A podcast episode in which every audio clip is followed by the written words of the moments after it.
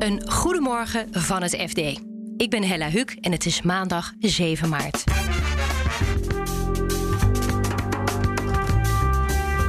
Europa wil militair een vuist kunnen maken. Maar kan dat voorlopig nog niet zelf. We zijn dus voorkomen afhankelijk nog steeds van de Amerikanen die ons uh, daarbij te hulp schieten. Sancties tegen Rusland raken niet alleen de elite, maar juist ook de gewone man op straat. De, de, gewone Rus zal het ook gaan merken, omdat de bevoorrading van het land ook steeds meer onder druk komt te staan.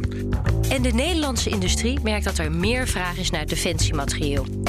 De eerste aanvragen stromen op dit moment binnen. En de verwachting is dat dit alleen maar meer wordt. De, heel erg de, de veiligheidsvesten, dat is op dit moment uh, is daar een grote vraag uh, naar. Zeker uit Oekraïne natuurlijk. Dit is de dagkoers van het FD. De defensiebudgetten in Europa schieten omhoog, maar de vraag blijft of Europa zichzelf kan verdedigen. Waarom meer geld niet alles is, hoor je van verslaggever Rob de Lange. Alle lidstaten van de EU hebben hun eigen defensieapparaat, hun eigen leger. Um, daar houden ze streng aan vast. Um, dus het is ook veel voor te zeggen natuurlijk dat je een, een het parlement van Bulgarije of, uh, of Nederland of Duitsland moet natuurlijk een beetje zelf kunnen bepalen wat er met hun leger gebeurt. Maar die versnippering uh, leidt natuurlijk ook onherroepelijk tot een, uh, een ja, zeg maar verspilling van, van daadkracht. Ja, ook omdat we dus niet gezamenlijk inkopen bijvoorbeeld. Nee, er zijn wel een flink aantal, moet ik er gelijk bij zeggen, flink wel initiatieven genomen de afgelopen jaren hoor, om dat te verbeteren. Bijvoorbeeld die gezamenlijke inkoop, maar ook uh, het, het uh, samenvoegen van bataljons. Uh, zoals Nederland heeft bijvoorbeeld geen tanks meer. Dat hebben we nu allemaal een beetje met de Duitsers doen we dat. En, dus er zijn wel heel veel initiatieven geweest, maar ja, die zijn natuurlijk allemaal gestart, die initiatieven, in een tijd dat we dachten dat, dat we nog wel even hadden voordat het zover zou komen. Maar nu staan we natuurlijk echt aan de, aan de vooravond van iets wat heel vervelend en ernstig kan zijn. Ja, en dan hebben we een, dat is een week geleden alweer, dat kun je je bijna niet voorstellen. Maar toen heeft het Duitse parlement gezegd van we gaan 100 miljard extra uitgeven. We gaan echt ook op die 2% van ons BNP zitten om uit te geven aan defensie. Stel, we doen dat allemaal in Europa. Hoe kunnen we dat been dan bijtrekken snel? Je loopt niet naar de, naar de winkel om een tank te kopen. Dus je moet je, je kunt dat geld niet in één keer overal maar zomaar besteden. Het enige wat je kunt doen is natuurlijk op korte termijn proberen om wat je kunt aanvullen gezamenlijk aan te vullen. Bijvoorbeeld munitie of uh, lichte wapens. Dat zou geloof ik, als ik de, de defensiespecialisten begrijp, is dat nog wel mogelijk. Maar uh, een echt uh, een slagkrachtig Europees leger op, op de been brengen, mocht dat nodig zijn, dat kunnen we gewoon niet. Althans, niet zelf. Hè? We zijn dus voorkomen afhankelijk nog steeds van de Amerikanen die ons uh, daarbij te hulp schieten. Hebben we genoeg mensen? Nou, ik, we hebben wel heel veel, als ik dat allemaal bij elkaar optelde, we hebben wel heel veel soldaten. Die zijn natuurlijk allemaal verdeeld over al die landen, dus dat is niet zo makkelijk om dat allemaal bij elkaar te brengen. Er is ook heel veel ander personeel. We hebben natuurlijk het, de, de, de defensiemachten van Europa zijn in de, sinds de val van de muur, kun je zeggen, is natuurlijk een geleidelijk proces geweest, zijn die uh, omgevormd van een verdedigingsleger naar een vredesleger. Dus het enige wat wij nog in Europa echt doen zijn van die vredesmissies. We hebben eigenlijk nooit meer rekening mee gehouden dat we ons zouden moeten teweerstellen tegen de invasie van uh, Russische troepen. En dus de soldaten die het leger ingaan, die gaan wel naar Mali of Afghanistan. Ja. Maar we hebben er nooit meer over nagedacht dat we misschien ons eigen land moeten. Nee, ja, veel te weinig. Ja, de laatste jaren zie je wel een kentering hoor. Daar heb je natuurlijk wel, uh, ook, ook vanuit Brussel zelf, vanuit de EU zelf, is hè, zeker sinds 2014, de, de, toen de die, uh, die narigheid op de Krim uh, zich afspeelde. Toen is er wel gezegd, ja, moeten we toch niet langzamerhand eens denken over onze eigen veiligheid. Maar ja, dat viel tot dan toe, tot een week geleden, viel dat toch een beetje in uh, door, door de grond. Ik zie heel veel van die reclames hè, van Defensie, van de geschikt, ongeschikt. Ja. Volgens mij is het echt wel moeilijk om, uh, om mensen te vinden. We hebben een hele krappe arbeidsmarkt nu. Ja. Uh, je kan misschien ergens anders uh, veel meer verdienen. Nou ja, dat, is, dat, dat, dat, die discussie loopt, die gaat natuurlijk ook lopen. Van moet je die mensen niet veel beter betalen? Ik, ik denk nog steeds dat er, dat er wel animo voor is om uh, bepaalde functies kunnen ze volgens mij vrij makkelijk invullen. De wat, wat hippere functies, de cyberachtige afdeling, die, waar ze ook flink in geïnvesteerd hebben natuurlijk. Hè. Maar ja, dat was natuurlijk allemaal, allemaal, vond dat plaats in een periode dat we toch ons in slaap hebben laten sussen door uh, de dreiging uit het oosten, om het zo te noemen. En wat denk je, komt dienstplicht weer op de politieke agenda om die in te voeren? Nou, volgens Rob de Wijk, die ik sprak, is dat uh, onherroepelijk zo. Dat kan niet anders. Want je moet voldoende mensen. Kijk, we hebben wel op papier voldoende bataljons, maar we, ze zijn niet goed genoeg gevuld, om het zo te zeggen. Dus je zult toch op een of andere manier moet je kijken of je met reservisten of met de dienstplicht dat je meer mensen gaat opleiden. Ja, en dat draagt misschien ook wel bij aan het besef dat je een krijgsmacht nodig hebt. Ja. ja, nou ja, dat is natuurlijk ook de grote mentale draai die we nu aan het maken zijn. Dat het, dat, we hebben natuurlijk lange tijd een beetje lacherig gedaan over het leger.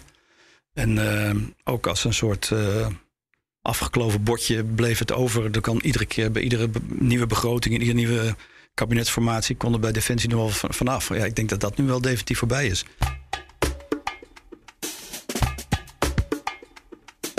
De oorlog in Oekraïne zorgt voor een groei in de markt voor defensiematerieel. Het aantal aanvragen loopt flink op. Van redacteur Pien van Engen hoor je wat Nederlandse bedrijven eigenlijk maken. Ja, hele praktische zaken als uh, laarzen, maar ook wel kogelwerende helmen, veiligheidsvesten, dat soort dingen. Daar zijn we heel actief in. En ook um, gevechtsvoertuigen worden er gemaakt. En je ziet bijvoorbeeld ook dat Hè, bijvoorbeeld de F-35. Wij maken niet dat hele vliegtuig, dat wordt in het buitenland gedaan. Maar er zijn wel Nederlandse bedrijven die uh, onderdelen maken. Dus bijvoorbeeld uh, bedrading of um, ik hoorde iets over een, deur van een vliegtuig die hier wordt gemaakt. Dus dat zie je wel heel erg. En, en jij bent al die bedrijven gaan, gaan bellen van nou merk je dat er meer vraag is. Wat hoor je dan? Ja, je merkt eigenlijk wel over het algemeen dat ze allemaal zeggen van ja, we merken dat er heel veel beweging zit in de markt. We krijgen veel, uh, veel aanvragen binnen. Dus dat is niet meteen een order, maar wel echte interesse. Um, dat zie je uit, ja, dat komt eh, zowel uit binnen als buitenland. Ja, de eerste dingen worden ook wel al geleverd. En aan wat voor dingen moet ik dan denken? Ja, met name dus de, heel erg de, veiligheidsvesten. Dat is op dit moment uh, is daar een grote vraag uh, naar. Zeker uit Oekraïne natuurlijk. Uh, wat ik hoorde is dat Defensie heel veel aan de Oekraïne levert uit eigen voorraad. Maar dat er ook wel bedrijven al actief zijn die, die zelf bijvoorbeeld al van individuen uit Oekraïne vragen hebben gekregen. En er zijn ook wel organisaties die nu dan dat nu proberen te bundelen, zodat je in één keer grotere hoeveelheden kan gaan sturen. Kijk, de EU en de NAVO zijn nog niet betrokken bij het conflict. Ik zeg maar even nog, je weet niet waar het heen gaat. Dus waar komen die aanvragen dan nu precies vandaan? Ja, daar wordt best wat geheimzinnig over gedaan. Dat willen ze eigenlijk allemaal niet zeggen. Dat is altijd een beetje met defensie. ja, precies. Ja, je wil natuurlijk niet, uh, niet dat jouw uh, voorraden ineens in buitenlandse handen vallen. Of in ieder geval in de handen van de vijand. Mm, de meesten zeggen van daar willen we geen antwoord op geven. Dat is bedrijfsgevoelige informatie en ook wel veiligheidsinformatie. Uh, die we niet zomaar mogen geven. Maar um, de Nederlandse defensieindustrie exporteert eigenlijk 85% van wat ze maken. En het merendeel daarvan is naar Europa en uh, NAVO-landen.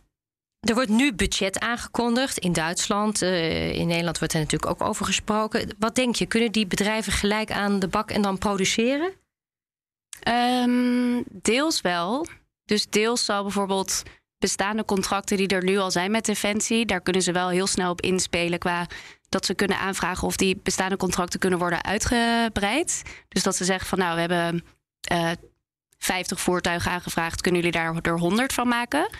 Um, dus dat zou relatief wel snel kunnen gaan. Tegelijkertijd zie je ook wel dat de besteding van de budgetten van Defensie... dat daar jaren overheen gaat. Je hebt hele aanbestedingsprocedures... waar uh, de bedrijven veel tijd en moeite in moeten steken. Um, dus ja, ik, ik heb ook wel van experts gehoord gekregen dat je moet denken aan vijf à tien jaar. Vijf à tien jaar? Dat is wel lichtjaren verder. Ja, dat klinkt wel, uh, wel heel ver weg.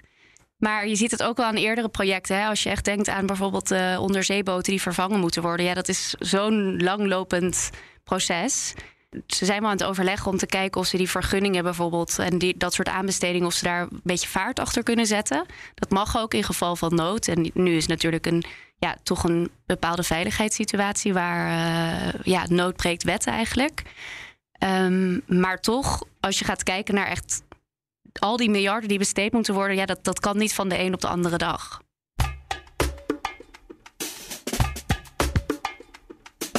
De harde sancties tegen Rusland zijn bedoeld om de oligarchen rond Poetin onder druk te zetten.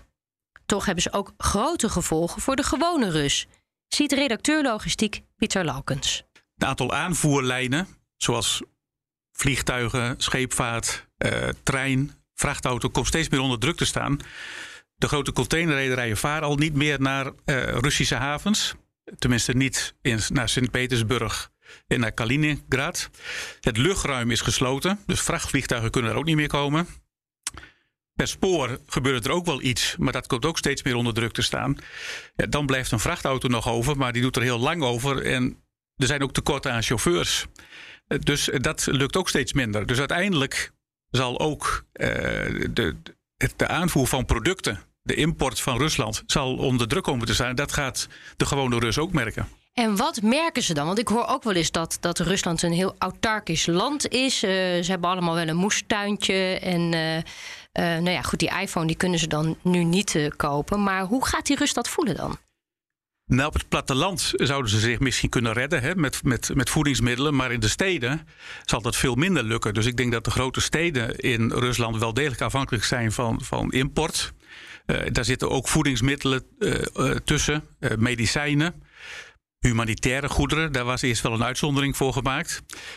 maar in de steden zullen ze dat wel gaan merken. Want uh, ja, op zich is de Russische economie toch wel sterk afhankelijk in bepaalde gebieden van import.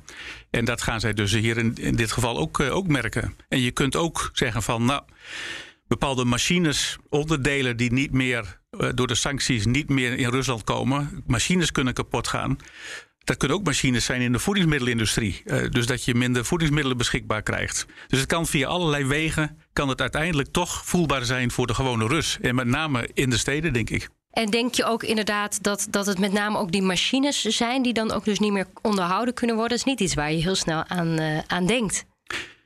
Nee, uh, daar denk je inderdaad niet zo snel aan. Maar ja, Rusland is natuurlijk een betrekkelijk kleine economie. Het is niet, uh, hoe groot zal het zijn? Misschien dat het, het BBP even groot is als de drie Benelux-landen bij elkaar.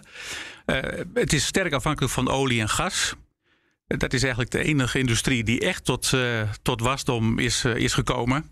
Maar een echte consumenten economie is het eigenlijk niet. Dus uiteindelijk uh, zijn ze toch voor een belangrijk deel van die import afhankelijk. Misschien kan er via China nog het een en ander aangevoerd worden. Maar ja, dat, dat soort aanvoerlijnen moet natuurlijk ook nog eerst weer aangepast gaan, uh, gaan worden. En die prijzen die gaan omhoog knallen, denk ik. En de prijzen gaan omhoog. Uh, sowieso is die roebel al sterk gedaald. De, de rente is naar 20% verhoogd.